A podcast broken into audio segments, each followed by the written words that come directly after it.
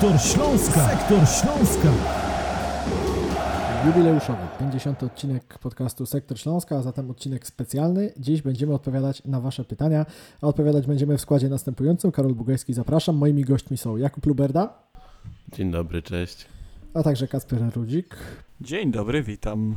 Ja jeszcze przypomnę, że naszym partnerem głównym jest e, LVBet. No i tak jak powiedziałem, ten podcast będzie szczególny, bo zaproponowaliśmy Wam e, dwa dni przed nagraniem tego podcastu, powiedzmy w ten sposób, mały QA, czyli Wy pytacie, my odpowiadamy. Mogliście pytać o wszystko, o ten sezon, o, o nasze e, odczucia, o nasze przeżycia, o kulisy naszej pracy, również o nasze przewidywania na przyszłość. Jako, że jesteśmy w samym środku okienka transferowego, dochodzą do nas kolejne informacje o zawodnikach pozyskanych przez Śląsk. Takich jest już czterech. Rafał Leszczyński, bramkarz przechodzący z Chrobrego Głogów, e, to jest ta informacja, która dotarła do nas e, w środę. No to panowie chyba zaczniemy od tych pytań właśnie dotyczących tego okienka transferowego, tego czego powinniśmy oczekiwać, tego co już się wydarzyło e, do tej pory, no i, i może właśnie od pytania użytkownika o niku Perczy98. Kuba, zaczniemy. Na jakich pozycjach waszym zdaniem Śląsk potrzebuje obecnie y, najbardziej tych wzmocnień. Ja też to pytanie rozszerzę o tyle, że no jesteśmy już, już trochę mądrzejsi o te, o te cztery ruchy, o których wspomniałem. Trzy z myślą o pierwszej drużyny, jeden pewnie z myślą o, o rezerwach. I, I w którym miejscu Twoim zdaniem ten Śląsk teraz transferowo jest?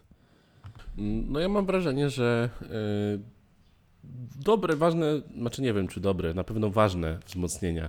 Yy, to czy dobre dopiero się okaże, ale te najważniejsze są już chyba za nami, dlatego że yy, mamy w miarę ustabilizowaną defensywę, mam na myśli tutaj linię obrony oraz bramkarza. Yy, Trochę nie wiemy, co będzie działo się na lewej obronie, chociaż tam rywalizacja Wiktora Garcia i Mateusza Maćkowiaka wydaje mi się, że powinna przebiegać no w miarę pozytywnie. No, mam nadzieję, że, że Maćkowiak, Maćkowiak to będzie zawodnik, który wniesie odpowiednią jakość i, i wniesie coś do tego składu Śląska. On wraca z wypożyczenia y, do Odry Opole, gdzie grał przecież bardzo, bardzo solidnie. Mm. Jeżeli chodzi z kolei o, no właśnie, y, na prawą flankę, Martin Kończkowski pozyskany, on, e, no to na pewno jest bardzo, bardzo jakościowy transfer zawodnik, który przez lata był czołowym prawym obrońcą ekstraklasy. No i ta pozycja bramkarza, prawda? Odszedł Putnocki, e, przyszedł Leszczyński. Czy to będzie bramkarz, który podoła, który będzie odpowiedni e, na ekstraklasę? No trzeba mieć nadzieję, że tak. On w tej pierwszej lidze grał bardzo solidnie i co najważniejsze, to jest w końcu bramkarz o innym profilu niż tam x ostatnich w Śląsku, no bo, e, no bo on potrafi grać nogami, on nie boi się grać na przedpolu, on odważnie wychodzi po piłki, nieźle gra w powietrzu, co też pokazały nam ostatnie sezony, że u bramkarzy jest ważne, bramkarze Śląska tego nie mieli, yy, także fajnie, że ktoś o takim profilu przyszedł. No a jeżeli chodzi o, o to, kogo jeszcze nam brakuje, to chyba tych skrzydłowych, prawda? No to od początku tak naprawdę okienka transferowego wiemy, że, że Śląsk ma tylko Denisa Jastrzębskiego. Jeżeli chodzi o skrzydłowych, reszta zawodników to tacy mogliby być bardziej fałszywi skrzydłowi, odwróceni skrzydłowi, zbiegający do środka. Także e, wydaje mi się, że no, pozyskać jeszcze kogoś na, na tę pozycję i tak naprawdę kadra śląska jest skompletowana. Na pewno bardzo cieszy to, że ten obóz przygotowawczy jeszcze się nie rozpoczął, a my już praktycznie mamy e, no, cztery wzmocnienia, co by nie mówić. Także naprawdę fajna robota.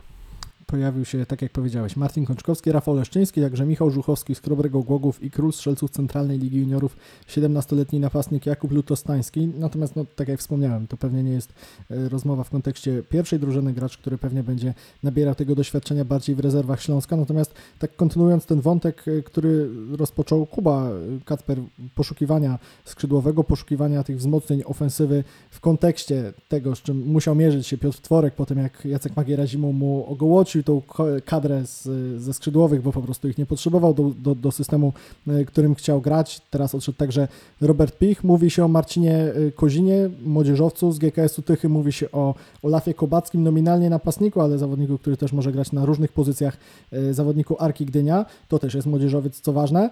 Mm, W tym kierunku spogląda Dariusz Tylka, w takim kierunku, który w przeszłości dał mu dużo dobrego w Śląsku i to jest chyba pozytywna informacja. Tak, na pewno cieszy to, że gdzieś jest e, ten powrót w kierunku pierwszej ligi, bo mm, okej, te transfery nie są takimi, które są widowiskowe, które wywołują efekt wow. Natomiast e, przy odpowiedniej takiej obróbce i cierpliwości mogą dać naprawdę pozytywne efekty, no bo mm, o jakby obudowanie tych zawodników z pierwszej ligi z tymi ekstraklasowiczami, z tymi zawodnikami gdzieś bardziej doświadczonymi, czy z takimi no bardzo jakościowymi piłkarzami jak Olsen, powinno rozwinąć wszystkich zawodników. Sam e, trener Djurdjevic mówi, że on dla niego bardzo ważny jest e, rozwój, żeby tych piłkarzy trochę e, przede wszystkim e, rozwijać, a potem dopiero gdzieś z tego ma przyjść wynik, więc też trzeba na to liczyć, że ci młodzi zawodnicy by zaliczyli taki progres właśnie pod wodzą tego trenera, tak? Natomiast dobrze, że też patrzymy na skrzydła. W Ekstraklasie trochę jest tak, że jak trener nie wie, gdzie postawić młodzieżowca, to daje właśnie się jakiegoś skrzydłowego, bo tam jest mniejsze ryzyko, że coś popsuje, niż jak w środku pola powiedzmy. Natomiast tak już e, na serio, no jest, są to ciekawe ruchy, natomiast no grze ciężko mi się wypowiadać, no bo nie było czasu pierwszej ligi oglądać, więc jakby tylko możemy tutaj, mogę sobie tutaj poteoretyzować. Chociaż im bliżej końca sezonu, tym bardziej spoglądaliśmy w kierunku pierwszej ligi, bo chcieliśmy wiedzieć, z kim ewentualnie Piotr Tworek, e, jego zespół, może grać. Przypominam, że ty Karol już od początku powiedziałeś, że Śląsk na pewno się utrzyma spokojnie, że to nie ma szans, a jednak pod koniec, jak to mówi trener Tarasiewicz, w dupce się paliło, także to... No, nie spodziewałem się, że, że Piotr Tworek może zostać trenerem Śląska, ale już do tego nie wracajmy. E, Mówicie o skrzydłowych, mówicie o e, graczach e, na różnych pozycjach w ofensywie, natomiast ciekawi mnie, że nie padło takie zdanie, którym zatytułowaliśmy jeden z naszych podcastów, pamiętam w tej rundzie wiosennej, czyli Śląsk potrzebuje napadziora, bo to też jest jedno z takich pytań, e, które otrzymaliśmy od naszych e, czytelników, które padło na Twitterze e, od użytkownika Oniku Włodek, czy my nie potrzebujemy przypadkiem jeszcze jednego napastnika wobec odejścia Fabiana Piaseckiego, bo mm, według tego, tego użytkownika Kaje Quintana takim graczem nie jest. Ja się zgadzam z takim postawieniem sprawy o tyle, że my przegadaliśmy ten temat Fabiana Piaseckiego pod kątem konkretnie tego piłkarza, czy on się nadaje do Śląska, czy się nie nadaje. Różne były opinie, natomiast jakby tak od, odłożyliśmy na bok fakt, że Śląsk zostaje z Erikiem Exposito i teoretycznie oczywiście Sebastianem Bergierem, teraz Lutostańskim. Można tutaj różne, pewnie mniej prawdopodobne scenariusze w kontekście Ekstraklasy yy, kreślić. Nie wiem, Kuba, czy, czy, czy dla Ciebie yy, jest ta potrzeba pozyskania jeszcze jednego napastnika, czy może właśnie ten Sebastian Berger i jego szansa w tej rundzie jesiennej, to byłoby coś, co, co, co by Cię kusiło? Znaczy ja myślę, że nawet to nie jest do końca kwestia Sebastiana Bergiera, a no tutaj e, nasz Twitterowicz postawił taką tezę, że Quintana napastnikiem nie jest, no ale możemy to skontrować i postawić tezę, że Quintana napastnikiem jest, no i wtedy mamy dwóch napastników, którzy mogą rywalizować spokojnie o miejsce w pierwszym składzie. Wiemy, że ten przesyt dziesiątek w Śląsku jest całkiem spory. Jest y, także, no, gdyby tam cofnąć Quintanę, no to tam po prostu byśmy pchali jeszcze, jeszcze więcej zawodników. No, a o Hiszpanie, co by nie mówić, no to, to jest zawodnik, który po prostu na pozycji napastnika w ciągu swojej kariery, w trakcie swojej kariery grywał bardzo dużo, więc ym, okej, ta jego przygoda ze Śląskiem nie rozpoczęła się najlepiej, no ale mimo wszystko wydaje mi się, że w obliczu odejścia Piaseckiego yy, i w obliczu tego, że yy, no, ta kadra śląska nieco się przebudowuje, no to też to nie może być tak, że w jednym okienku transferowym odejdzie 10 zawodników, sprowadzimy 15 w ich miejsce i jeden wielki chaos. No trzeba też korzystać z tego, co mamy. Mamy Quintanę, yy, mamy Exposito, mamy Bergiera, który może w końcu odpowie nam na pytanie, czy on się w końcu nadaje do tej ekstraklasy, czy się nie nadaje do tej ekstraklasy, czy to będzie piłkarz, który no po prostu jakieś papiery, nagranie w piłkę ma, czy jednak nie. Mam nadzieję, że z trenerem Dżurdżewiczem on w końcu szansę, żeby na to pytanie nam odpowiedzieć, yy, no dostanie, bo do tej pory, okej, nie przekonał nas niczym, ale też nie dostał realnej szansy, także mm, nie wyrokowałbym w jego sprawie ani w jedną, ani w drugą stronę. W drugiej lidze miewał mecze wybitne, miał też mecze, w których, których trochę przechodził, ale yy, no właśnie, no tu trzeba wejść na dwa poziomy rozgrywkowe wyżej.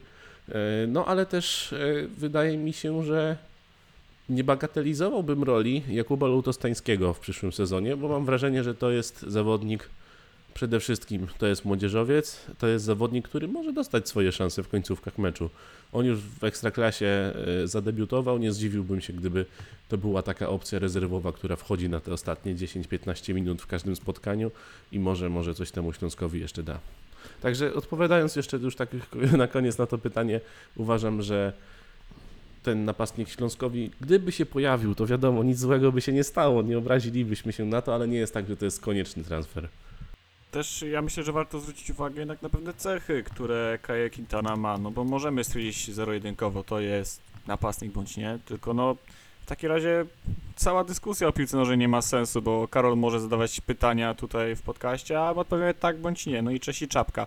Natomiast no, Quintana to jest zawodnik, który potrafi jednak świetnie wychodzić na te wolne przestrzenie, szukać tych przestrzeni za linią obrony. Dobrze pracuje w defensywie. Oczywiście to nie są takie typowo ofensywne bardzo cechy, ale myślę, że przy odpowiednim ustawieniu i wykorzystaniu umiejętności, no też jeszcze jakiś pożytek z niego może być. No, jeżeli mamy powiedzieć o, coś o erze, krótkiej erze, takiej erunii bardziej Piotra Tworka, no to to, że akurat gdzieś z tego Quintany robił jakiś chociaż minimalny pożytek, gdzie wcześniej no, nie miało to miejsca, tak, więc no, dwie bramki strzelił, tak.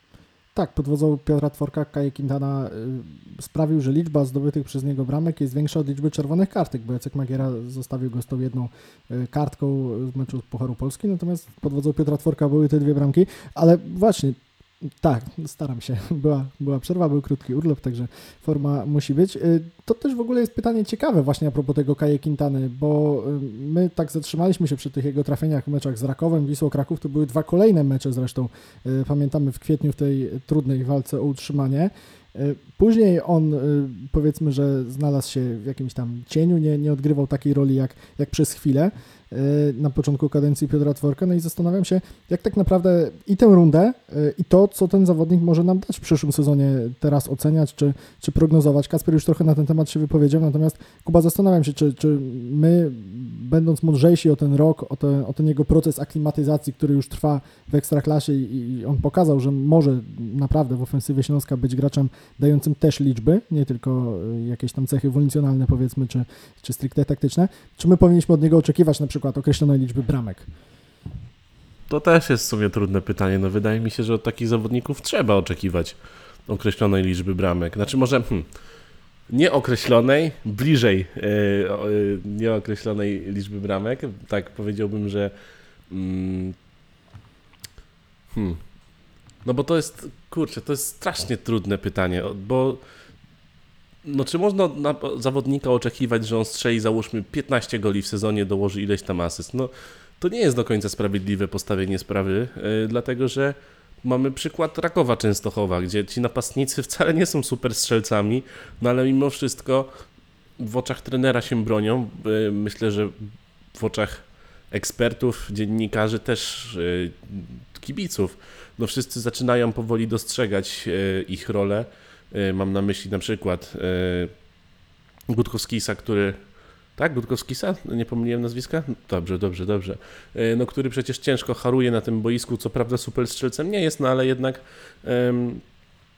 no ale jednak tę pracę wykonuje, on ma wiele innych zadań, więc e, no na pewno to musi być e, zawodnik, który coś od siebie, od siebie dorzuci, E, No ale też nie zamykałbym się, nie, nie patrzyłbym na to wszystko w takim kontekście, że o, tu ma być 10 goli i, i 5 asyst i wtedy jest dobrze, jak strzeli, nie wiem, 5 goli i 4 asysty dołoży, to już jest źle. Nie, bardziej opierałbym się na wrażeniach po prostu boiskowych i e, no najlepiej tak naprawdę o zawodniku mówią to, mówi to, jakie wyniki przy nim osiąga zespół i chyba na to bym patrzył w pierwszej kolejności. I wydaje mi się, Kasper, że ta współpraca też, którą Kaje, no zacząłeś o tym mówić, którą po prostu prezentował w tej rundzie wiosennej, to było coś, co Śląskowi no, dawało, powiedzmy, wystarczającą jakość, której należało od niego oczekiwać, na tamten czas przynajmniej. Czy na ten moment kryzysowy na pewno też przypomina mi się czas, kiedy Śląsk był na obozie przygotowawczym e, w Turcji, tak, oglądaliśmy te mecze w ramach naszych obowiązków redakcyjnych, ale też po prostu czystej ludzkiej, kibicowskiej chęci. No i mi zapadło w głowę to, że jednak e, Kaje zaliczył chociażby taką bardzo jakościową asystę w meczu z Karabachem, kiedy to takim podaniem penetrującym spod linii bocznej podał na wolne pole do Cyli, tak, i pokazał, że on potrafi dograć, więc no nie warto tak zero-jedynkowo skreślać. No, on na pewno jakoś pokazał to inaczej, że coś potrafi dać od siebie w drużynie Piotra Tworka, no teraz ma każdy czystą kartę i od niego też zależy, co pokaże u trenera Dziurdziewicza. Bardzo dobrze, że padło zdanie, że nie warto kogoś skreślać zero-jedynkowo, bo jest pytanie a propos zawodnika, którego lubiliśmy y, my jak my, ale kibice Śląska, powiedzmy, dyskutujący pod naszymi artykułami czy, czy postami w mediach społecznościowych, skreślać takiego jednego zawodnika w minionej rundzie czy w minionym sezonie, który nazywa się Szymon Lewkot. O niego pyta Filip Macuda z wrocławskich faktów o przyszłość Szymona Lewkota. Jak, jak, jak wy go widzicie w zespole trenera Iwana Dziurdziewicza, co można też powiedzieć e, o tej jego pozycji na podstawie, no owszem, tych, tych skromnych materiałów, które na razie mamy do dyspozycji, czyli tego meczu e, sparingowego z GKS Tychy. Lewkot zagrał w wyjściowym składzie, zagrał 45 minut, tam cały skład zmienił się w przerwie. Mm, Zagrał na swojej nominalnej pozycji, czyli panie trenerze Magiera nie na środku obrony, tylko w środku pola. No i, no i właśnie, co z tym trenerem Iwanem Dziurdziewiczem i, i Szymonem Lewkotem? Czy tego gracza, Kuba, można cały czas dla Śląska jakoś odbudować, e, uratować? No ja mam nadzieję, że, że można, dlatego że to jest zawodnik, e, który. No jeżeli popatrzymy na taki profil, pod kąt, profil zawodnika pod kątem fizycznym, to nie mamy takiego defensywnego pomocnika. Po prostu nie ma drugiego takiego zawodnika w Śląsku, który e, mógłby zagrać jako ta szóstka, e, dać, no być takim po prostu silnym, wysokim chłopem. No dlatego. Y, No, on ma warunki fizyczne, on ma też pewne umiejętności, które e, maskował bardzo dobrze licznymi błędami w minionym sezonie, no ale mimo wszystko tych umiejętności odmówić nie można. No, my e, wielokrotnie naprawdę dyskutowaliśmy o tym zawodniku. To, to był e, piłkarz, który znaczy był, dalej jest piłkarz, który, który przecież potrafił grać naprawdę bardzo dobrze y, w jakimś spotkaniu, żeby później całe dobre wrażenie przekreślić jedną głupią wpadką. No to jest też piłkarz bardzo pechowy, bo często ten jeden, jedyny błąd jego w meczu kończył się akurat golem, gdzie inni też błędy popełniali, a aż tak bardzo nie było to eksponowane. No z Lewkotem to jest myślę, że tak, że on nie jest wcale aż taki zły, jak wszyscy mówią, no ale też nie jest y, taki dobry, jak twierdził to trener Magiera. Y, To jest piłkarz, który po prostu musi grać na swojej nominalnej pozycji, y, który musi dostać zaufanie, ale właśnie na tej pozycji nie być pchany na środek obrony, bo to nie jest zaufanie, to jest zrzucenie piłkarza na konia, to jest zepsucie mu sezonu. Dużo przykrych doświadczeń spotkało Lewkota. Jeżeli już y, mówimy, znaczy mówimy, klub y, mówi nam o tym, że trzeba zrestartować się, że trzeba y, zrobić taki nowy początek, no to też dajmy szansę Lewkotowi, niech to będzie nowy początek dla wszystkich. Nie ma co skreślać tego chłopaka. To jest piłkarz z potencjałem, to jest piłkarz, który ma za sobą bardzo nieudany sezon, ale mimo wszystko ja mam nadzieję i, i wierzę w to, że jeszcze e, coś pozytywnego po sobie po prostu w Śląsku zostawi. Ja myślę, Kasper, że Kuba poruszył ważny aspekt tej postawy i tej naszej oceny Szymona Lewkota, bo pamiętam choćby ten mecz z Lechem przegrany po, po jego błędzie praktycznie w pierwszej akcji po wejściu na murawę e, grał 45 minut po kontuzji Daniela Gretersona. On w tamtym meczu miał chyba e, jakieś 11 start, z czego 10 wygranych, jedno, jedno przegrane. No, czy, czy, czy coś koło tego. W każdym razie to jedno, to jedno decydujące, które było przegrane i zakończyło się bramką Michała Skurasia. Wydaje mi się, że no to, co musi zrobić Szymon Lewkot przede wszystkim, to no, jakoś oczyścić głowę na tyle, na ile to jest możliwe, bo pamiętajmy, że ten mecz z Lechem był na początku kwietnia, też minęło wtedy dużo czasu od tego początku sezonu, od tego meczu z Hapoelem, nie wiem, z Lechem w rundzie jesiennej i tak dalej, jednak ten, ten czas wtedy dla niego jeszcze był zbyt krótki, ale wydaje mi się, że my też nie, nie powinniśmy po prostu wywierać jakiejś presji, bo mm, pamiętam ten szmer, który przeszedł po trybunach przy Oporowskiej przy okazji meczu z GKS-em Tychy, kiedy Lewkot wyszedł w pierwszym składzie i, i wszyscy tak bardzo mocno zwracają zawsze na to uwagę, a to jest po prostu gracz, który potrzebuje tego spokoju przede wszystkim chyba. No, zgadzam się. Myślę, że jeżeli Lewkot e, potrzebowałby oczyścić swoją głowę, to byśmy mogli go zabrać do pewnego baru na Grunwaldzie i tam byśmy mu w tym pomogli. Zdecydowanie. Natomiast już tak na poważnie mówiąc, to trochę trzeba go odsunąć na bok e, pod takim kątem właśnie komunikacji, narracji, bo to jest chyba właśnie największa krzywda, że cokolwiek się nie wydarzy w meczu, jeżeli się pojawia Lewkot, to od razu wszyscy nastawieni, że jakby już jest bardzo źle, jest fatalnie negatywnie i czy zagra mecz y, niezły, tak jak chociażby z Lechią Gdańsk wiosną, gdzie okej, no zrobił ten rzut wolny w głupi sposób, to było też pechowe, ale to nie jego był błąd bezpośredni przy tej bramce, to cała obrona potem zawaliła przy rzucie wolnym, bo rzut wolny trzeba obronić. A wali się w niego tak, jakby to on po prostu walnął swojaka w tej sytuacji. Z Łęczną zagrał dobry mecz, ale też i tak ludzie znaleźli powody, żeby narzekać.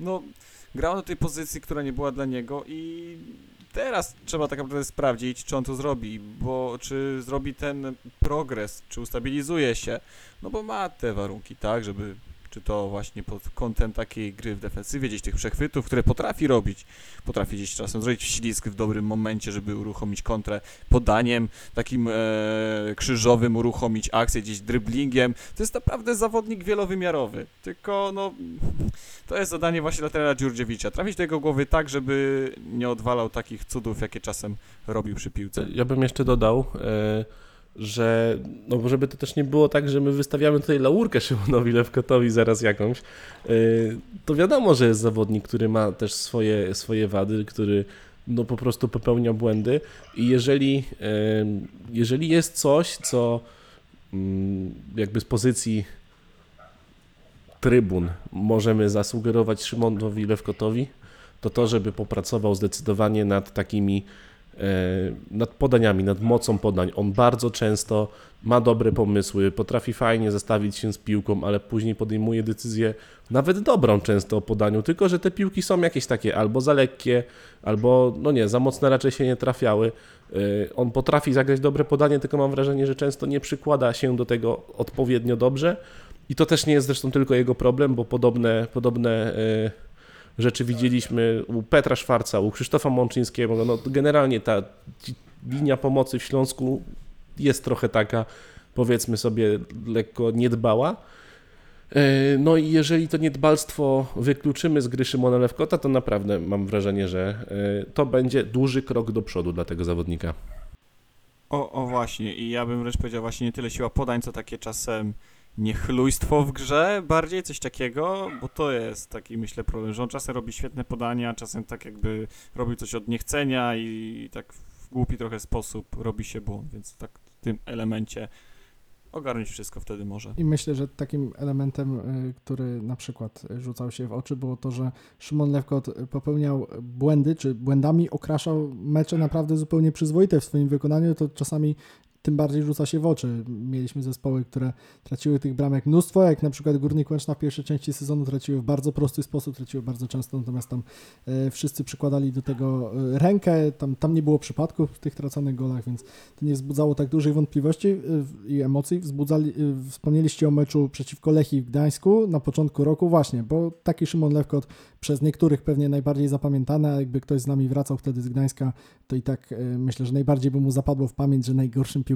tego meczu był Dino Sztyglec, prawda Kuba, więc myślę, że, że dyskusja o Szymonie Lewkocie nie jest zero Nie będę się kłócił. No właśnie, Dino Sztyglec myślę, że zapadnie w Twojej pamięci, tak jak w mojej Piotr Tworek i e, no i jeszcze pewnie kilka innych wydarzeń z tej rundy. Skoro Szymon Lewkot, to Jacek Magiera. E, Tak się składa, że subiektywny fan Śląska e, zadał nam pytanie o trenera Jacka Magierę w kontekście tego, co się działo w rundzie wiosennej, bo pamiętam nasz program na żywo, jeden już z kilku w tym roku po dymisji trenera Śląska. E, To akurat był program po dymisji trenera Jacka Magiery w marcu i słowa Piotra Janasa z Gazety Wrocławskiej, który mówił, że jest pewien, czy nie, cytuję z pamięci, ale że jest spokojny o to, że Śląsk i tak by się utrzymał z Jackiem Magierą. No i tak to jest właśnie pytanie subiektywnego fana Śląska z Twittera. Czy Jacek Magiera byłby w stanie wyprowadzić Śląsk z kryzysu, gdyby go nie zwolniono? Pamiętamy w jakiej sytuacji był wtedy Śląsk. Pamiętamy, że te mecze praktycznie z tygodnia na tydzień wyglądały coraz gorzej, że Jacek Magiera stracił pracę w Śląsku po porażce z Legią w Warszawie, ale nie z tą Legią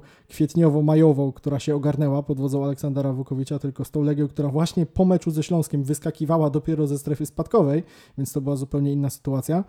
Możemy sobie gdybać, możemy się zastanawiać.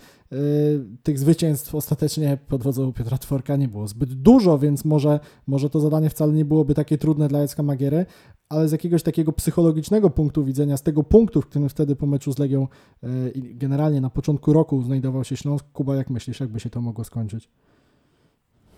Mm, To ja odpowiem krótko. E, W sumie dwie kwestie chciałem poruszyć, bo nawiązałeś do tego e, do tego live'a, który wtedy przeprowadziliśmy. My wtedy e, chyba jakoś więcej wspólnie, już nie pamiętam dokładnie jak to działało, ale chyba we dwójkę wysnuliśmy e, taką teorię, że zatrudnienie Tworka, Piotra Tworka jest równoznaczne z tym, że e, no prawdopodobnie za jakieś pół roku, może rok e, do kolejnego live'a dojdzie w związku z zatrudnieniem nowego trenera. Nie pomyliliśmy się e, o dziwo. E, Tym razem akurat nam się udało. A druga kwestia, że no bo takie gdybanie, czy, czy, czy trener Jacek Magiera utrzymałby ten Śląsk, czy by nie utrzymał, trudno powiedzieć. No nie wiemy, nie, nie jesteśmy Nostradamusami, e, ale myślę, że wymowne jest to, że zawodnicy, mm, kolejni zawodnicy e, mówią dosyć tak jednogłośnie o tym, że trener Jacek Magiera po prostu nie dostał wystarczająco czasu. E, Powiedział to Robert Pich w wywiadzie z nami, który e, w zeszłym tygodniu chyba e, na naszej stronie się e, pojawił. No to jest wymowne. Myślę, że to jest wymowne, że jeżeli zawodnicy, którzy, e, którzy z tym trenerem, no różnie, nie, mieli różne relacje, no wiemy, że tam nie każdy się z nim rozumiał, nie każdy się z nim dobrze docierał, ale jednak mimo wszystko e, mam takie wrażenie przynajmniej, że ten przekaz jest dość jednogłośny, że trener nie dostał wystarczająco czasu, no to, no to coś w tym chyba jest. o tym w rozmowie z wrocławskimi faktami nawet Fabian Piasecki, chociaż nie wiem, czy y, słowa, znowu cytuję z pamięci, na zasadzie trener Magiera doprowadził do takiej sytuacji, to powinien y, jakoś ją ogarnąć. Nie wiem, czy tam nie było jakiejś nutki ironii, powiedzmy, bo, bo wiadomo, jakie te relacje Fabiana Piaseckiego z trenerem Magierą były, no ale to już nieważne. Kacper, postaw jakąś zdecydowaną tezę. Wyprowadziłby, czy by nie wyprowadził z kryzysu Jacek Magiera? Jezu. No nie wiem, no to jest takie teoretyzowanie. Może by wygrał dwa mecze i by gdzieś te punkty nabił, ale może by nie było tyle remisów. No, Śląsk był naprawdę w głębokim kryzysie i to podobnie by wszystko było, podejrzewam, na styk, więc nie wiem, no ciężko teoretyzować. Trener Jacek Magiera, y, gdyby wygrał dwa mecze, miałby więcej zwycięstw niż Piotr Tworek w tej swojej króciutkiej kadencji na ławce Śląska. Natomiast no, było, nie było te trzy punkty dopisane w Płocku. Ostatecznie Śląskowi y, no, dały jakiś tam spokój przed ostatnią kolejką Ekstraklasy. Y, Panowie, a propos właśnie takich podsumowań poprz- poprzedniego sezonu i przewidywań, co się może wydarzyć w sezonie kolejnym. Pytanie od użytkownika Oniku Z. Na pozór proste, krótkie, konkretne, ale nie wiem, czy, czy odpowiedzi byłyby znowu e, takie proste, jak mogłoby się wydawać. Co zrobić, by uniknąć blamażu z zeszłego sezonu? Bo ja przypominam sobie e, początek tych, e, tych rozgrywek 21-22, przypominam sobie pierwszą część rundy jesiennej. Wtedy, e, no już wielokrotnie to zresztą podkreślaliśmy, nikt by nie przewidywał takiego finału i, i zatrudniania Piotra Tworka w miejsce Jacka Magiery wiosną, więc tak naprawdę chyba recept i scenariuszy nie ma, natomiast czy, czy faktycznie Kuba Śląsk ma takie wnioski, y, czy, czy miał takie wnioski, które nasuwały się same, żeby po prostu pewnych błędów nie popełniać? No co zrobić? To przede wszystkim konsekwentnie trzymać się swojej wizji, bo trener Jacek Magiera od, e, od tego, czego oczekiwał od niego klub, w pewnym momencie po prostu odszedł. On miał rozwijać młodych zawodników, miał stawiać na, e, no właśnie, na, na tutaj chłopaków z rejonu, na, na zawodników z rezerw, może próbować ich jakoś wprowadzić. To w pewnym momencie przestało być dla niego ważne. On zaczął mieć oczekiwania, klub miał robić wielkie transfery do klubu, bo e, no bo niestety e, pan Jacek poczuł... City ściągnęło Halanda, to czemu Śląsk nie może zrobić transferów przecież? O, no właśnie, no to, to, to najlepiej chyba podsumowuje y, podejście trenera Magiery do, do tej sprawy, a szkoda, bo, no bo przy tym, jak siadały obie strony do podpisywania kontraktu, to tam ustalenia były zdecydowanie inne. Właśnie tam miało być to wprowadzanie młodych, to stawianie po prostu na, na, na, swoich zawodników, rozwijanie tych, których ma już w kadrze, prawda? Mm, Także pierwszy punkt to, było, to będzie to trzymanie się swojej filozofii, bo to też y, nie możemy obwiniać trenera Magiery za wszystko co złe, no bo to jedna sprawa, że trener Magiera postawił żądania odnośnie transferów, a drugie jest to, że ktoś, kto jest nad nim je po prostu spełnił, prawda? Y, Więc, więc to, no jeżeli nad trenerem Magierą jest dyrektor sportowy, jest prezes, jest y, pewnie jeszcze kilka osób, no to one powinny raczej e, twardo postawić się, trzymać przy swoim słowie, e, a nie spełniać prośby trenera. No a druga kwestia jest taka, żeby, e, no właśnie, konsekwencja, czas, nie panikowanie w takich trudnych sytuacjach, no i żeby nie ingerować w to, co robi trener, bo Nie wiemy, jak to było e, w przypadku trenera Magiery. Ze strony klubu tam zarzekają się kolejne osoby, że ingerencji nie było, no ale później gdzieś między słowami mówią, że no przecież my tam prosiliśmy Jacka, żeby on grał bardziej defensywnie, że tak nie może to wyglądać. No czyli to, to, to nie wiadomo, jak to w końcu było, prawda? Niby ingerencji nie ma, a z drugiej strony takie nakładanie presji e, między słowami jest, także, e, także prawda pewnie leży gdzieś po środku, no ale właśnie, niech to będzie jak już robimy nowy początek, to róbmy go konsekwentnie, nie zmieniajmy swojej filozofii. E, też nie może być tak, że Śląsk w jednym roku ma trzech trenerów, no bo to jest po prostu trochę niepoważne. E, także tak, myślę, konsekwencja i trzymanie się swojego własnego planu to nie jest coś trudnego, a coś, co Śląsk musi zrobić co zrobić, żeby uniknąć blamarzu z zeszłego sezonu, ja bym tak pół żartem, pół serii odpowiedział, że trzeba przetrwać mecz w Poznaniu. On w tym sezonie jest trochę wcześniej, bo jest na początku y, sezonu w czwartej kolejce, a nie w dziesiątej. Przetrwamy mecz w Poznaniu może z trenerem Iwanem Dziurdziewiczem, znającym ten klimat yy, i będzie dobrze. Kasper, to, to, to tak pół żartem, pół serio, zgodzisz się? Zgadzam się. Bardzo ciekawa teza, z którą mogę się zgodzić. E, dodałbym jeszcze jeden podpunkt. E, który już został zrealizowany, czyli nie grać z termaliką Brookbet nie ciecza. I na szczęście to się nie trafi, więc jakby już nie będzie takich blamarzy, które zniszczyły psychę całemu zespołowi chyba.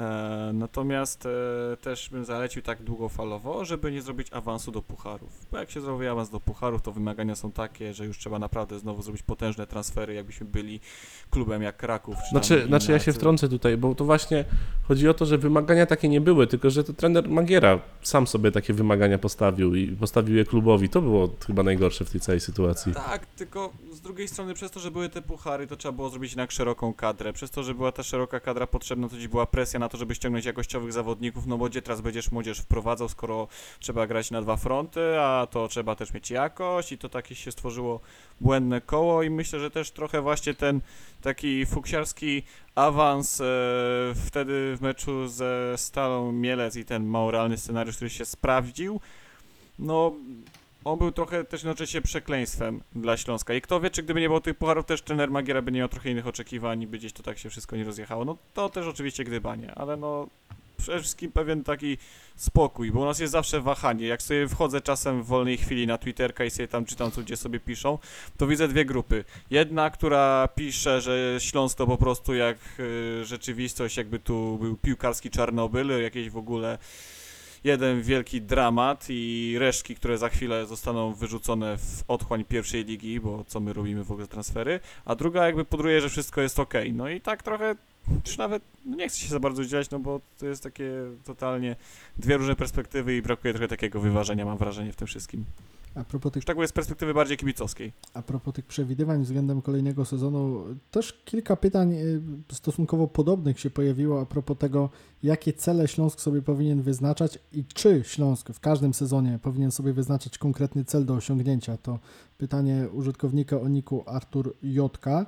Y, ja bym to pytanie rozszerzył też o to, co y, napisał Michał Gdowicz. Czy to wstyd być średnim, czy tutaj przeciętnym klubem w lidze? Bo mi się wydaje, Kuba, że Śląsk powinien się trochę i kibice Śląska sobie ostudzić te, te, te nastroje, te ambicje, te plany, bo e, pojawiały się takie komentarze po zatrudnieniu trenera Iwana Dziurdziewicza na zasadzie, no to z nim to chyba pucharów nie będzie, albo no to, no to puchary to, to, to nie w tym roku. Na Boga, jakie puchary? My zajęliśmy ostatnie bezpieczne miejsce, gdyby Wisła Kraków wygrała w Radomiu, na co się zanosiło, to pewnie Śląsk w ostatniej kolejce po porażce z Górnikiem Zabrze by spadł żadnych pucharów, żadnych wbujałych ambicji. Uważam, że sezon, w którym Śląsk będzie w okolicach miejsc 7-10, będzie sezonem naprawdę dobrym. E, no ja, ja podpisuję się pod tym, bo czy to jest wstyd być, wstyd być ligowym średniakiem? No też zależy jakim, dlatego że można być Krakowią, która, która no, próbuje odwrócić swoją politykę transferową. Może nie tą Krakowią, którą mamy teraz, ale powiedzmy można być Krakowią sprzed dwóch, trzech lat. Trenera Probierza. E, tak, wtedy, wtedy no mimo wszystko skłaniałbym się do tego, ku temu, że, że to był trochę wstyd, no ale można być też e, taką średnią drużyną typu Górnik Zabrze z zeszłego sezonu, już abstrahując od, od tej no, dziwnej bardzo decyzji o zwolnieniu e, trenera Urbana, no to jednak e, to jest jakieś tam powiedzmy mała kompromitacja ze strony władz klubu, ale to chciałbym, żeby Śląsk w przyszłym sezonie zagrał taki sezon jak Górnik w minionym. Żeby to była atrakcyjna piłka, żeby tam coś się działo, żeby na te mecze przyjemnie się po prostu patrzyło, e, żeby były fajne historie, spokojne utrzymanie, a nawet gdzieś zakręcenie się raczej w górnej połówce tabeli. E, Więc takim średniakiem ligowym byłoby być super i wtedy to absolutnie nie jest wstyd.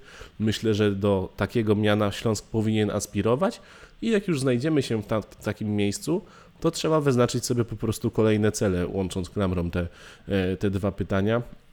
Bo tak, bo cele są ważne, cele trzeba przed sobą stawiać, no na tym polega między innymi właśnie e, zarządzanie, czy to mniejszą organizacją, czy też właśnie dużą organizacją, jaką jest e, klub piłkarski. Tutaj cele są niezbędne, także najpierw postawiłbym sobie cel, e, żeby zostać tym solidnym ligowym średniakiem, a później mieć aspiracje na więcej. I, i, i chyba taką ścieżką Śląsk musi podążyć.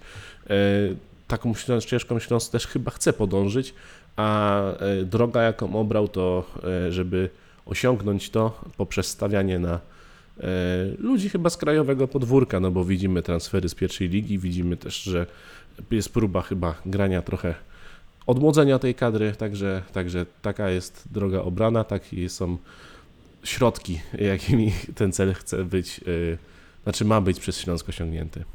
Bycie średniakiem wydaje mi się wiąże się też z pewnym spokojem, jakąś tam powiedzmy wersją y, czy, czy, czy rodzajem komfortu psychicznego. Owszem, nie wygrasz każdego meczu, natomiast ja tak ostatnio rozmawiałem z naszym redaktorem Mateuszem Włoskim, już naprawdę nie pamiętam przy jakiej okazji, ale tak doszliśmy do wniosku, że był taki mecz we wrześniu z Wisłą Płock, grany we Wrocławiu. Niedziela, 15, Śląsk niepokonany w lidze, e, bo to było jeszcze przed tym meczem z Lechem.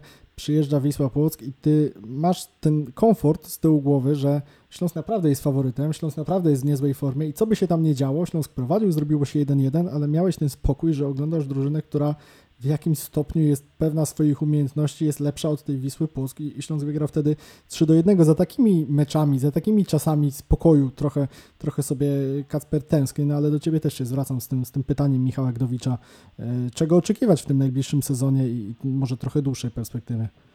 Jego pytanie było o bycie średnim klubem, tak się trochę skontruje Karol. To są dwa pytania, dwa różne. Tak. Michał Gdowicz był Tak. naprawdę aktywny na Twitterze. Tak, tak, pozdrawiam go serdecznie, bo to też mój kolega dobry, że taki mały kącik rodzinny, przyjaźni sobie zrobię. Natomiast tak, e, ten przegląd tematu, mm, może od drugiej strony zacznę. Bycie średnim klubem to nie jest żaden wstyd, jeżeli się realnie ocenia swoje możliwości. Jeżeli się podchodzi do tego na zasadzie świadomości tego, jakie się ma możliwości transferowe, kontraktowe, skąd się twój budżet musi wziąć, że za tobą nie stoi potężny inwestor, który ci zagwarantuje pewne kwoty, które cię na dzień dobry e, jakby umieszczają w górnej części tabeli, tylko twój budżet to jest także to, co sobie sam narobisz, że tak powiem, czyli na tych transferach. To oznacza, że jeżeli masz lepszego zawodnika, no musisz go niestety sprzedać, żeby ten budżet ci się skleił, żeby nie było sytuacji problematycznych.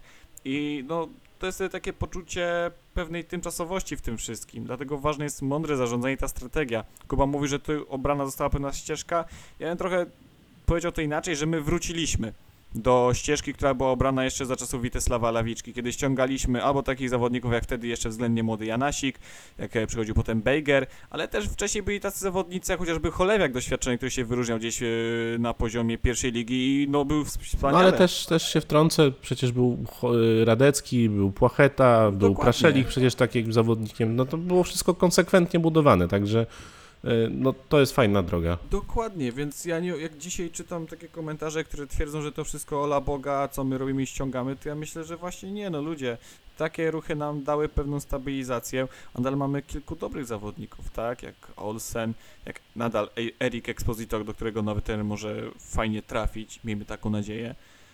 I przechodząc do celów, Oczywiście, z jednej strony może być cel punktowy, czy miejsce w tabeli, ale ja też uważam, że pewnym celem trochę w korporacji, że nie jest tylko jeden wynik, czy powiedzmy, nie wiem, jakiś hajs, który musisz zrobić na koniec miesiąca czy roku, ale twoje wskaźniki pojedyncze, takie ile bramek strzelisz w danej rundzie czy sezonie, ile bramek stracisz, e, no różne perspektywy muszą być, różne cele, bo to one budują pewien cały ogólny kształt klubu. Jeżeli my tylko patrzymy na suchy wynik, albo miejsce w tabeli, albo zdobycz punktową, to to jest takie jak ocenianie pogody na najbliższy miesiąc na zasadzie, czy dzisiaj były chmury, czy nie, i jutro może też będzie albo nie. To jest takie bardzo płaskie patrzenie. Oczywiście ten wynik na koniec jest najważniejszy, ale aspektów jest dużo więcej, na które powinniśmy patrzeć pod kątem, pod kątem jakby Śląska. Ja bym chciał, żeby Śląsk był taką drużyną, która zdobywa jednak te półtora bramki na mecz, traci maksymalnie jedną na mecz średnio, bo wtedy będę miał gwarancję, że jednak to jest drużyna, która więcej daje niż jakby, znaczy więcej zabiera rywalowi niż daje mu, ten sposób powiem. I to już będzie pewien krok takiej stabilizacji, myślę, w, w meczach Śląska. Wspominaliście o młodych piłkarzach, piłkarzach też, których Śląsk potrafił i potrafi cały czas e, wynajdywać na zapleczu ekstraklasy, ale mamy też pytanie o zawodników, e, którzy są w tej kadrze już od jakiegoś czasu, e, czyli Piotr Samiec, Talar, Oliwier Wypart, Adrian Łyszczarz, Javier Hyjek. Pyta Bartek 1947, czy to będzie przełomowy sezon dla kogoś z tego e, kwartetu. Zawodnicy, którzy mieli okazję pokazać się nam w tym pierwszym meczu pod wodzą trenera Iwana Dziurdziewicza w tym nieoficjalnym debiucie w meczu z GKS-em Tychy. Javier Hyjek, asysta przy bramce e, Samca Talara, e, Adrian Łyszczarz, wywalczony rzut karny też dobra współpraca z Samcem Talarem, tam mogło się skończyć też e, kilkoma asystami jednego, bramkami drugiego. Oliwier Wypart jako jedyny z tego kwartetu grał w pierwszej połowie, wyglądał trochę słabiej, ale cały Śląsk wyglądał słabiej e, w pierwszej odsłonie tamtego meczu. Gracze Kuba, których doskonale znamy z rezerw, może Hejka najmniej, ale on też miał momenty w Ekstraklasie. Natomiast e, Adrian Łyszczarz, dyskusja, którą też wielokrotnie już na jego temat toczyliśmy, Piotr Samiec-Talar, ciągle młodzieżowiec, ciągle też szukający tego swojego miejsca w Śląsku, no i Oliwier e, Wypart. Jak, jak Ty przewidujesz, czy to będzie przełomowy sezon dla kogoś z tej, z tej czwórki? Y, To najpierw y, tak gwoli ścisłości. Asysta do Piotra Samca Talara była w wykonaniu Olsena, jeśli Patryka dobrze Olsena. pamiętam, Hyjek, Hyjek z golem. Tak, tak, to y, chciałem po, powiedzieć. po przechwycie takim w pressingu. Gdzieś tam, chyba błąd był bramkarza, jeśli dobrze pamiętam, zagrał mu pod nogi i, i, i Hyjek to Obrońca. wykorzystał. Bo wyszedł Albo sam z obrońca nawet. A, no, no, no, no, no, no. No ale no, w każdym razie go nastrzelił, cieszył się po nim, wszystko pięknie, fajnie. Yy, wracając do tego pytania. Myślę, że to jest przełomowy, znaczy jest, będzie przełomowy sezon na pewno dla Piotra Samca Talara, yy, no bo to jest ostatnia, znaczy czy ostatnia szansa. Myślę, że tak, że to jest zawodnik, który już zawiódł na wypożyczeniach kolejnym, na kolejnym wypożyczeniu zawiódł w minionym sezonie. Y, To jest też zawodnik, o którym od dawien dawna mówi się, że jest dużym talentem y, Śląska. To jest też zawodnik bardzo mm, o bardzo ciężkim charakterze, myślę, że y, do prowadzenia, dlatego że on jest pewny siebie, on jest wręcz w siebie chyba nieco zapatrzony, patrząc na, na to. Możemy odpowiedzieć chyba taką zakulisową historię, y, bo Karol, ty chyba przy tym byłeś? No ja właśnie przy tym byłem, ale akurat y, tylko jako świadek nieświadomy. No, to, to, to w każdym razie, tak, tak streszczając wszystko, po, po którymś meczu rezerw już pod sam, na sam koniec sezonu, podeszliśmy jako redakcja, mnie tam akurat wtedy nie było, to chyba Konrad? Oczywiście. był? Tak, Konrad Omilnianiuk podszedł właśnie do Piotra y, historie. prosić o jakiś pomeczowy, pomeczowy komentarz, no i został y, w niekulturalny sposób odprawiony z kwitkiem, tak możemy w skrócie powiedzieć, także jest to piłkarz na pewno mocnym charakterem, Y, czy, czy to dobrze, czy źle, no to już pozostawiam do oceny naszym, naszym słuchaczom, no ale będzie to kluczowy sezon dla niego pod tym względem, że on wygląda na razie świeżo, w sparingu strzelił gola, ale to po prostu było ukoronowanie nawet niezłego występu. Przy tym golu też, okej, mów, możemy mówić o doskonałym podaniu, naprawdę pięknej asyście Patryka Olsena, ale wciąż to podanie trzeba było przyjąć. To nie była łatwa piłka do opanowania. On zrobił to, no kurczę, jak naprawdę rasowy, e, taki naprawdę potężny ligowy piłkarz, tak? No, dobre przyjęcie, e, potem skuteczne wykończenie, pewne e, przy tym wszystkim, także dobra robota. Y, Dla niego to też jest duża okazja, no bo właśnie wiek młodzieżowca to jedno, drugie, mówiliśmy wcześniej, y, trochę słaba. e, No brak skrzydłowych w Śląsku, brak skrzydłowych w Śląsku. Piotr Samestala skrzydłowym akurat jest, także e, to też na pewno dla niego dobry, taka pozytywna informacja, że ta rywalizacja na tej konkretnej pozycji póki co jest znikoma, e, więc tych szans może trochę więcej dostawać. E, Adrian Łyszczarz, myślę, że to będzie dla niego przełomowy sezon. On wyglądał niesamowicie świeżo w tamtym e, w tym meczu sparingowym. On musi być, ja naprawdę w tym poprzednim sezonie wielokrotnie rozmawialiśmy na jego temat, staraliśmy się stawiać w jego, e, no wejść w jego skórę, zastanowić się, co taki piłkarz może czuć, no bo najlepszy zmiennik e, minionego sezonu Ekstraklasy, 5 goli z ławki rezerwowych, a jednocześnie absolutny brak szans. No, ja szczerze mówiąc jestem zaskoczony, że nikt się po niego nie zgłosił, że on gdzieś nie odszedł, no ale dla nas to dobrze. Myślę, że to jest zawodnik, który w tej chwili no zresztą widzieliśmy materiał promocyjny klubu, e, pierwszy dzień treningów. Pierwszym zawodnikiem, który na nich się pojawił był właśnie Adrian Łyszczarz, więc w nim musi się po prostu gotować. On jest podejrzewam, że niezwykle zmotywowany, e, że teraz pojawił się trener, który może w końcu da mu szansę, taką prawdziwą, prawdziwą szansę i, i liczę na niego w tym sezonie bardzo. No a już tak y, pokrótce odpowiadając jeszcze na to pytanie odnośnie dwóch pozostałych zawodników, to myślę, że e, zarówno e, Javier Hyjek, jak i Olivier Wypart to są zawodnicy, którzy może dostaną jakieś minuty, ale, ale jeszcze w tym sezonie Ekstraklasy nie zawojują. Kasper, Kuba umówił cały kwartet, to ty sobie wybierz jednego, y, który, dla którego ten sezon będzie najbardziej przełomowy, proszę. To ja powiem Oliwier Wypart w takim razie, bo uważam, że nie zagrał przeciętnie, czy jak to Karol powiedziałeś wcześniej w zajawce pytania. to- Bezbarwnie, Jak? bezbarwnie. A moim zdaniem Nie zagrał bardzo tym, solidnie na nie swojej pozycji, tak jak oglądałem ten mecz i to, co działo się dobrego gdzieś tam po, waha, po bokach, po wahadłach, to już nie wróci, po bokach, to właśnie gdzieś tam po lewej stronie ta współpraca Jastrzębskiego z Wypartem i myślę, że on solidnie zagrał na tej pozycji, dobrze. Natomiast e, no ja trochę ubolewam, że nie gramy w tej trójce z tyłu, bo właśnie mi się podobał pomysł z graniem tym zawodnikiem jako tym półlewym, kiedy by nie było na przykład e, Gretarsona, bo pokazywał się z dobrej strony w sparingach na obozie, w rezerwach tak grał, więc to może była dla niego trochę taka inna okazja. No ale to tak, tak właśnie liczę gdzieś, że ten nazywany przez niektórych przeciętnym e, wypart, czy słabym, że jednak pokaże się z dobrej strony. Panowie, tak, Ja tylko dodam, e, że, że e, ja widzę u tego zawodnika taki problem, że on, jeżeli chodzi o kwestie defensywne, to spisuje się bardzo dobrze, ale w tej ofensywie musi coś zacząć od siebie dokładać, bo tam, tam jest duże pole do poprawy. Tak. na Konrada poprawień? A nie, to, to, to nie ta. E, To nie ta historia. E, Panowie, porozmawialiśmy sobie poważnie, więc teraz będziemy sobie rozmawiać e, trochę bardziej żartobliwie, bo dostaliśmy też kilka takich pytań, które no myślę fajnie, żeby padły w podsumowaniu tego sezonu i jeśli chodzi o takie przedstawianie jakichś kulis może naszej prasy, na- naszych odczuć i tak dalej. Łukasz pyta, jak mentalnie przetrwaliśmy ten tragiczny sezon? Myślę, że to był sezon tragiczny i dla drużyny, i dla trenerów kolejnych zwalnianych Śląska Wrocław, i dla kibiców, i dla nas w redakcji, bo y, Kacper były ciężary. Znaczy, no, takie były ciężary, że ja już tylko, można powiedzieć, gościnnie występuję w tych podcastach, bo w redakcji nie, Nie, jestem. przypadkowo od ciebie zacząłem. Tak, do, dobrze, sprytnie. No ja powiem ze swojej perspektywy, że trochę trunków się wylewało późnymi godzinami, albo rozlewało nieraz. Bardzo niezdrowe jedzenie się nieraz jadło, żeby zagryźć gdzieś w trasie te ciężkie mecze. No, to był bardzo brutalny sezon, naprawdę. Jak człowiek.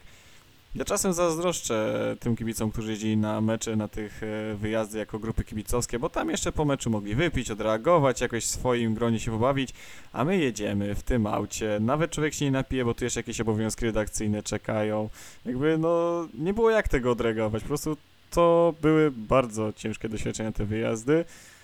I jeszcze trzeba to opisywać potem i pisać w tygodniu jeszcze o tym całym źle, które się działo. Przecież okres od e, lutego tak naprawdę do kwietnia to gdzie się nie spojrzało na Śląsk, tam było źle, więc no bardzo było to dużą misją przetrwać to w jakimś takim chociaż częściowym zdrowiu psychicznym. Kuba, Ja może nie ty dałem się rady. bawiłeś. Nie, nie, może Kuba bawiłeś się nieco lepiej.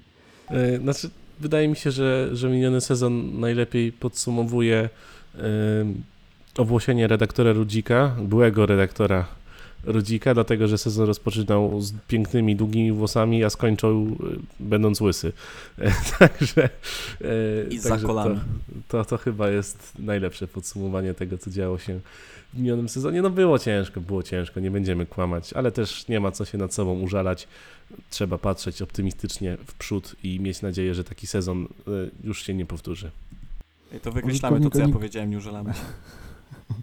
Tak, no generalnie to nie tak, że były same minusy, natomiast y, jeżeli brakuje wyniku, no to to jednak chyba, y, że tak powiem, zmienia obraz całej reszty. Nawet jeżeli wyjazd, czy, czy generalnie sam, sama podróż na, na stadion jest całkiem przyjemna, no to wszystko inne schodzi na dalszy plan. Myślę, że użytkownik Oniko Łukasz nie wybaczyłby nam, gdybyśmy nie odpowiedzieli na tradycyjne pytanie, chociaż chyba nie jego tradycyjne pytanie, czy lubimy piwerko i takie nawiązanie do trenera Iwana Dziordziewicza, jego pierwszej konferencji, y, który używał tej metafory, że y, najpierw trzeba sprawdzić, co jest w lodówce, a potem dopiero iść na zakupy. To a propos tego ryneczku transferowego. Jak dużo mięska, to dobrze, jak będzie piwko, to, to też ok. Także trener Dziordziewicz lubi piwerko, to myślę, że z użytkownikiem Oniko Łukasz by się dogadał, Kuba.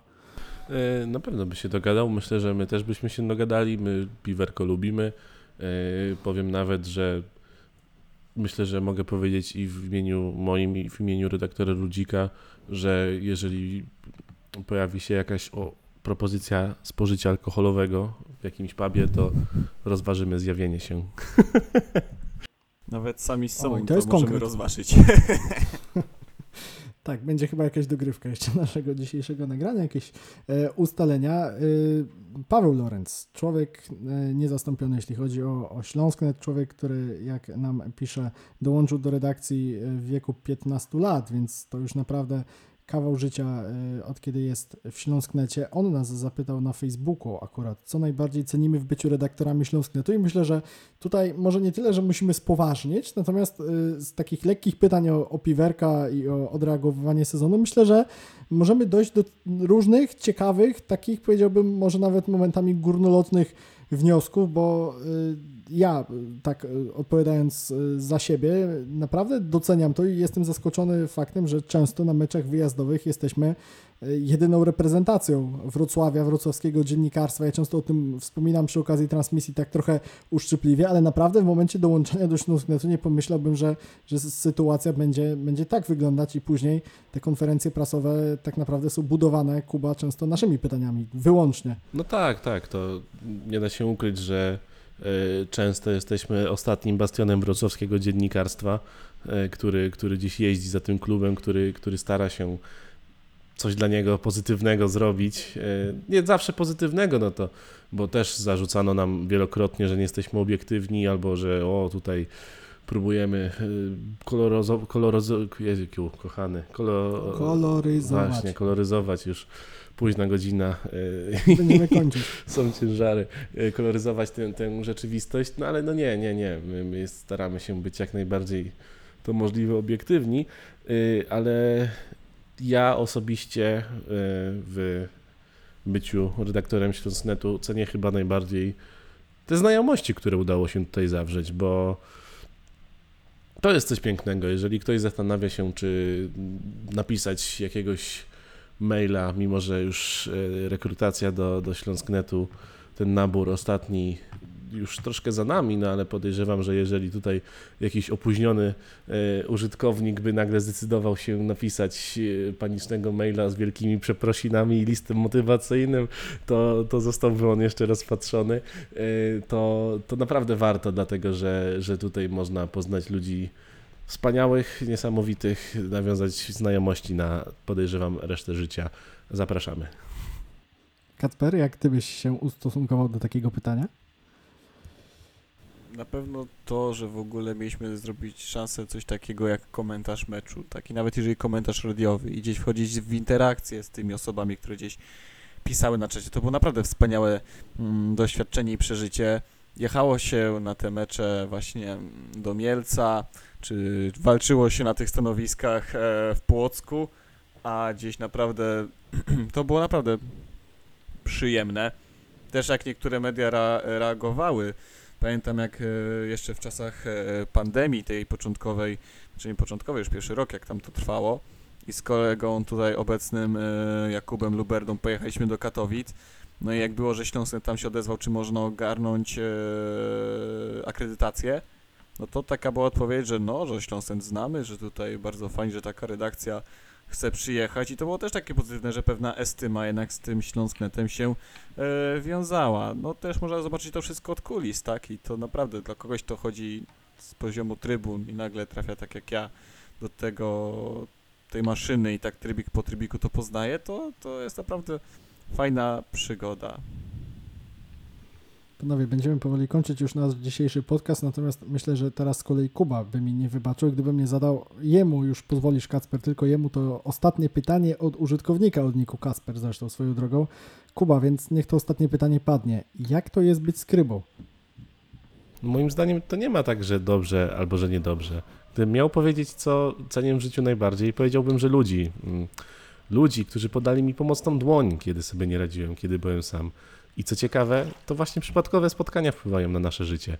Chodzi o to, że kiedy wyznaje się pewne wartości, nawet pozornie uniwersalne, bywa, że nie znajduje się zrozumienia, które, by tak rzec, które pomaga się nam rozwijać. Ja miałem szczęście, by tak rzec, ponieważ ja je znalazłem. I dziękuję życiu, dziękuję mu. Życie to śpiew, życie to taniec, życie to miłość. Wielu ludzi pyta mnie o to samo, ale jak ty to robisz? Skąd czerpiesz tę radość? A ja odpowiadam, że to proste. To umiłowanie życia to właśnie ono sprawia, że dzisiaj na przykład buduję maszyny, a jutro, kto wie, dlaczego by nie, oddam się pracy w Śląsknecie i będę choćby sadzić mm, artykuły na stronę. Albo drzewa, bo Piotr Tworek zaczynał ten sezon od sadzenia drzew w Warcie Albo Poznań. Tylko akurat Warta Poznań zlecenie. przestała, przestała wtedy Warta Poznań gole strzelać, a my piszemy na zlecenia. E, Jak wiadomo, Krzysztof Mączyński, superstar, zaczął przygotowania z rezerwami. Ja bym chciał się E, ogłosić pan- jeszcze, jako że Proszę, jestem wracasz do Śląsknetu? Tak, jako że jestem, nie, jako że jestem freelancerem poza Śląsknetem, ale kontakty mam, jakby ktoś chciał jakiś tekst na zlecenie, to tekst krytyczny za 5 zł, a taki pochwalny za 25, bo po tym sezonie to wiem, że bardzo ciężko, więc to, to się więcej ceni. I jest Trzeba za korzystać- akapit jak coś. Trzeba korzystać, bo jest inflacja i wszystko drożeje. E, Kacper Drudzik, Dzięki, cześć. Jakub Luberda Dziękuję również. I Karol Bugajski. Dziękujemy. To był Sektor Śląska, specjalny 50. odcinek Q&A, e, pod, e, odcinek podcastu zbudowany na podstawie Waszych pytań, których było sporo, łącznie ponad 20 e, w mediach społecznościowych i na Twitterze, i na Facebooku, i na Instagramie, także ten legendarny feedback się pojawił, to najważniejsze. Dziękujemy za dzisiaj. Hej Śląsk! To jest Sektor Śląska. Sektor Śląska.